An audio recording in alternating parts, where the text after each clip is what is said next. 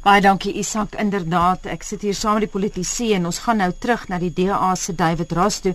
Uh David, ek weet jy wil 'n bietjie praat oor die afgraderings, dis die fokuspunt vir baie mense. Ons weet Moody's het ons in Mei na BAA2 negatiewe vooruitskouing afgegradeer. Fitch Standard & Poor's na negatief BBB en uh stabiel BBB minus dit was van Fitch af baie belangrik daai afgraderings moontlike afgraderings miskien kan die minister dit vanmiddag vir my gaan hy Ja, ek dink dis die groot uitdaging vir die minister wat hy graag wil doen en dit is nie net vir die minister en die minister se belang dat die afgradering nie plaasvind nie. Inteendeel, dit is in alle Suid-Afrikaners se belang dat die afgradering nie plaasvind nie. En veral vir arm Suid-Afrikaners is dit ook belangrik dat die afgradering nie plaasvind nie. Maar jy is heeltemal reg, die graderingsagentskappe hou ons dop met valkoe en hulle opinie maak saak. Dis inderdaad so. Dit maak saak en die minister besef dit. 'n Afgradering na rommelstatus op hierdie punt sal 'n enorme effek op die ekonomie hê. Met ander woorde, ons begrotingstekort sal hoër word en ons leningskoste sal verhoog. Ons sal 'n verswakte geldeenheid sien en ons sal 'n hoër lewenskoste sien en in dit manifesteer byvoorbeeld in die uh, fooie van die universiteite wat jaarliks moet verhoog en wat studente nie meer kan bekostig nie.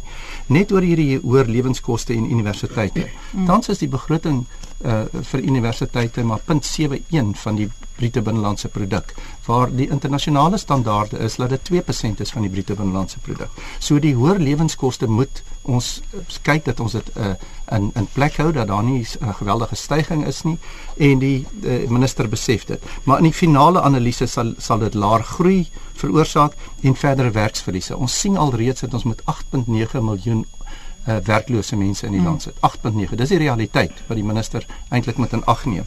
Nou waarna gaan Moody's kyk? En dis die groot vraag. Mm. Hulle gaan kyk na politieke onsekerheid, ons het daarmee gehandel en hulle gaan kyk na die ekonomiese groei en ons het daarmee gehandel. Maar hulle gaan kyk na die fiskale konsolidasie. Ons moet die balans regkry tussen ons inkomste, ons uitgawes en wat gaan ons begrotingstekort wees en om probeer om dit te verminder. Maar belangrik is, hulle kyk na die skuldvlakke. En hier is ons grootste uitdaging om en die grootste item op die uitgawebegroting is die skulddelgingskoste van ongeveer 149 miljard rand per jaar reeds. So daarna sal hulle kyk. En as ons kan toon dat ons ons spanderingsvermoë in plek hou want ons kan baie min doen aan ons inkomste kant kan die kredietgraderingsagentskappe dalk simpatiek met ons wees. Maar belangrik ook wat ek aan die begin genoem het hulle gaan kyk na die institusionele onafhanklikheid van die tesourier en dit se uitdaging reeds vir die minister addisionele uitdaging. Kom ons gee vir uh, Steve Swart van die ACDP 'n kans. Wie aansluit daarbey? Ek sien jy luister so aandagtig na wat hy sê. Ja, Anita, die agentskappe gaan ook kyk na die staatsbede maatskappye. En onthou daar's 'n 250 miljard se staatswaarborge wat vir hulle gegee is. En dit is uiters uiters belangrik dat daar dat hulle beter bestuur word kyk na SA Lugdiens en die politieke aanstellings daar en die verlies.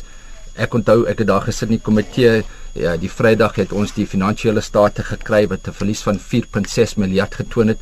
Teen Dinsdag se kant toe die komitee gesit het, was dit oor die 5 miljard rand per jaar. Dis absoluut onaanvaarbaar en daar's iets en die agentskappe kyk daarna met groot oë, maar aan die ander kant kyk ons na Fcom, die kernbou program. President Zuma sê daar word voortgegaan daarmee. Ons kan dit net nie op die huidige stadium bekostig nie. Dit is iets waarna daar gekyk moet word en ek is seker dat die minister gaan weer eens daaroor vandag iets te sê. Dit is iets ook wat die agentskappe gaan aanraak. Die, die, en die die staatse waarborge is een van die grootste gevaar vir die fiskale konsolidasie. Die staatse kapen van staatsbeheerde maatskappye waar daar gestroop word vir eie belang is 'n groot kommernis ons moet kyk so na maatskappye soos Telkom wat 'n wins toon op die op die aandele. So daar is suksesstories, maar daar moet gekyk word na die maatskappye. Gebalanseerde uitkyk daar dit van Steve Swart van die ACDP. Pieter Mulder, ons weet dat die minister wil kyk na die verbreding of die uitbreiding van die belastingbasis. Is dit moontlik? Dis uh, dis moontlik, dis bietjie swaar om belasting te verhoog. Ons het nie nodig om belasting te verhoog nie. So die ideaal is dat hy meer besnoei, dat hy nie hoef te belasting verhoog nie, want ons is al oorbelas. Ek wil een woord sê oor die afgradeer want dit ook effek op die belasting. As hy afgradeer bevoel is in in net vir verwys dan David verwys daarna is daar 'n risiko wat die buitelandse beleggers betref. Onthou daar's baie pensioenfonde wat bevoel sê die oomblik as ons afgegradeer is, moet hulle onttrek of hulle wil of nie van die buiteland af So onmiddellik onttrek daardie goed wat onmiddellik ekonomiese groeikoers af en dan moet belasting opgaan.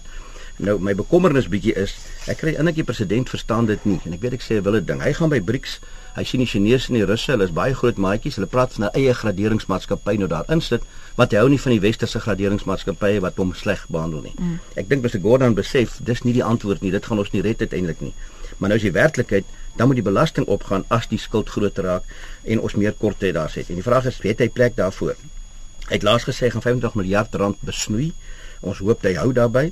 Dan het hy gesê kan 48 miljard ekstra belasting inkry, maar hy het nie gesê waar nie. Nou, het jy idees? Ek het idees wat dit moet en is jammer, dis by persoonlike belasting. Hy kan na BTW gaan kyk uiteindelik as jy praat van breë basis, is BTW relatief 'n breë basis waar almal betaal.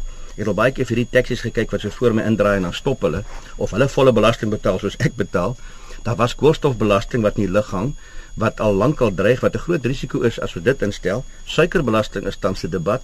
3.4 miljard het hy inkry, maar dit kan ook al daai goederes kan die ekonomie benadeel. So hy het 'n bose sirkel.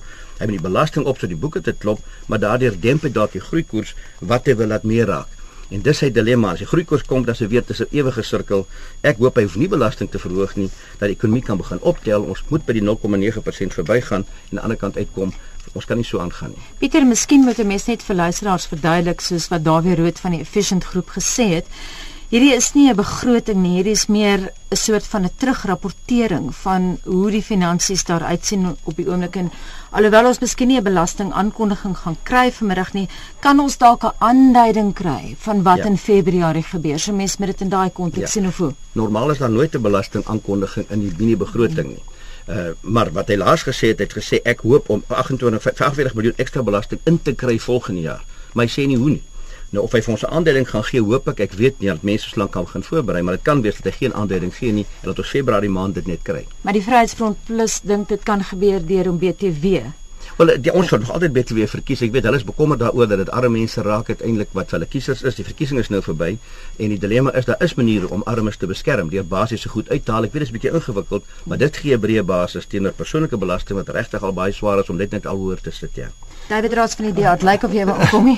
ja, ek ek wil net 'n uh, uh, uh, baie ernstige punt maak om te sê dat BTW se verhoging sal negatief op die arm armes van die armes uh, impakteer. Daar is nul koerse vir baie produkte, mense besef dit, maar uiteraard is ek nie ten gunste van enige belastingverhoging waar ons eintlik nou ekonomiese groei moet promoveer aan die ander kant van die munt om die kredietgraderingsagentskappe uh tevrede te stel, maar ook om ons eie ekonomie in plek te kry, om die strukturele hervorming wat nodig is in die politiek om dit reg te kry. Maar is geen so, verhoging prakties? Uh kyk, mense moet liewer kyk na die besparings uh uh wat ons kan doen in in die spanderingsplafonne wat ons moet afbring. Ek dink ons kyk na 20 miljard wat ons uh wat ons benodig en daar sal 'n balans moet gevind word tussen miskien belastingverhogings en besparingsmaatreëls, maar ons kan ook kyk na die fiskale vermorsing wat plaasvind in die staatsdiens. En daar het ons genoem dat dit ek vermoed dat dit vanjaar plus minus 30 miljard sal wees wat in onreëlmatige uitgawes en vermorste uitgawes gaan wees. En sal 'n mens liewer 'n effektiewe staatsbestel daar wil stel in plaas van verdere belastings. Onthou net dat Suid-Afrikaners is reeds swaar belas en ons kan hulle nie oorbelas nie.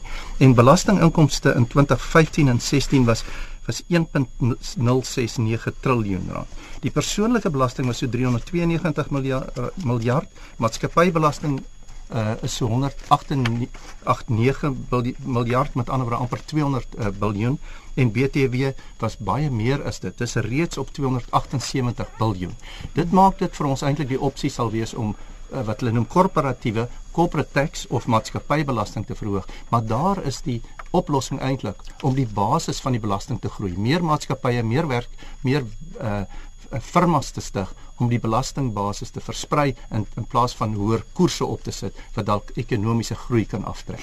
As jy pas by ons aangesluit het die man wat so sê is David Roos van die DA. Pieter gaan nou vir jou kans gee. Ek wil net vinnig na Steve Swart van uh van die um, ACDP toe gaan.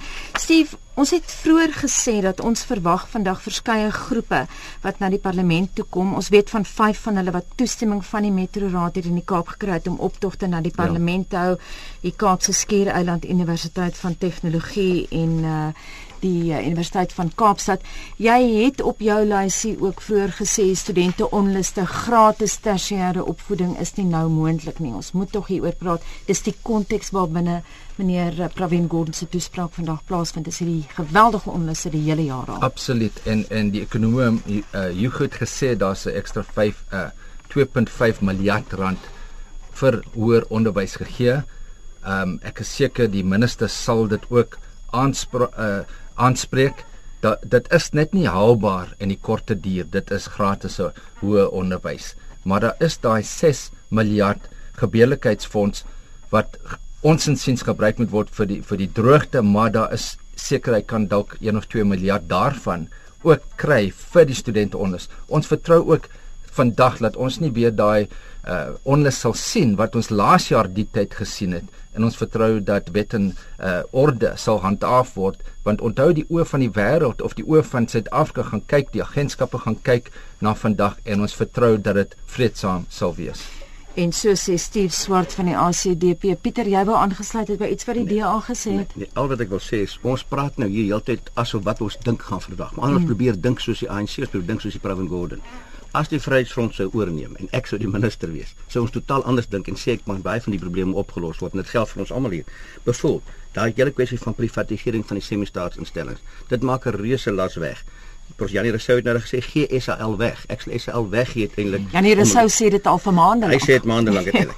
Arbeidswette die arbeidswette moet makliker gemaak word. Daar moet geheime stemmings om stakings moet gestop word in elk geval. En dis goed dat onmiddellike ekonomie gaan natuurlik groei. Korrupsie kan ek lank oor praat wat jy kan doen. Die kernkrag ding moet duidelikheid nou kom. Ons het nie geld daarvoor nie. Maar dis 'n soort van goed wat mens kan doen. Tot nou toe bespiegel ons asof ons die ANC is, maar dis die ideale goed is wat onmiddellike verskil maak. Groeikoers gaan op en dan is die belastinglas weg want ons wil nie meer belasting betaal. Jy het vroeër kernkrag genoem ook. Wil jy bietjie uitbrei? Jy het so 'n minuut. Wel die vraag is wat gaan met die kernkrag aan? Die minister is so onduidelik, ons weet nie. Sy sê ons gaan kernkrag kry. Ek verstaan haar argumente, maar die geld is verskriklik.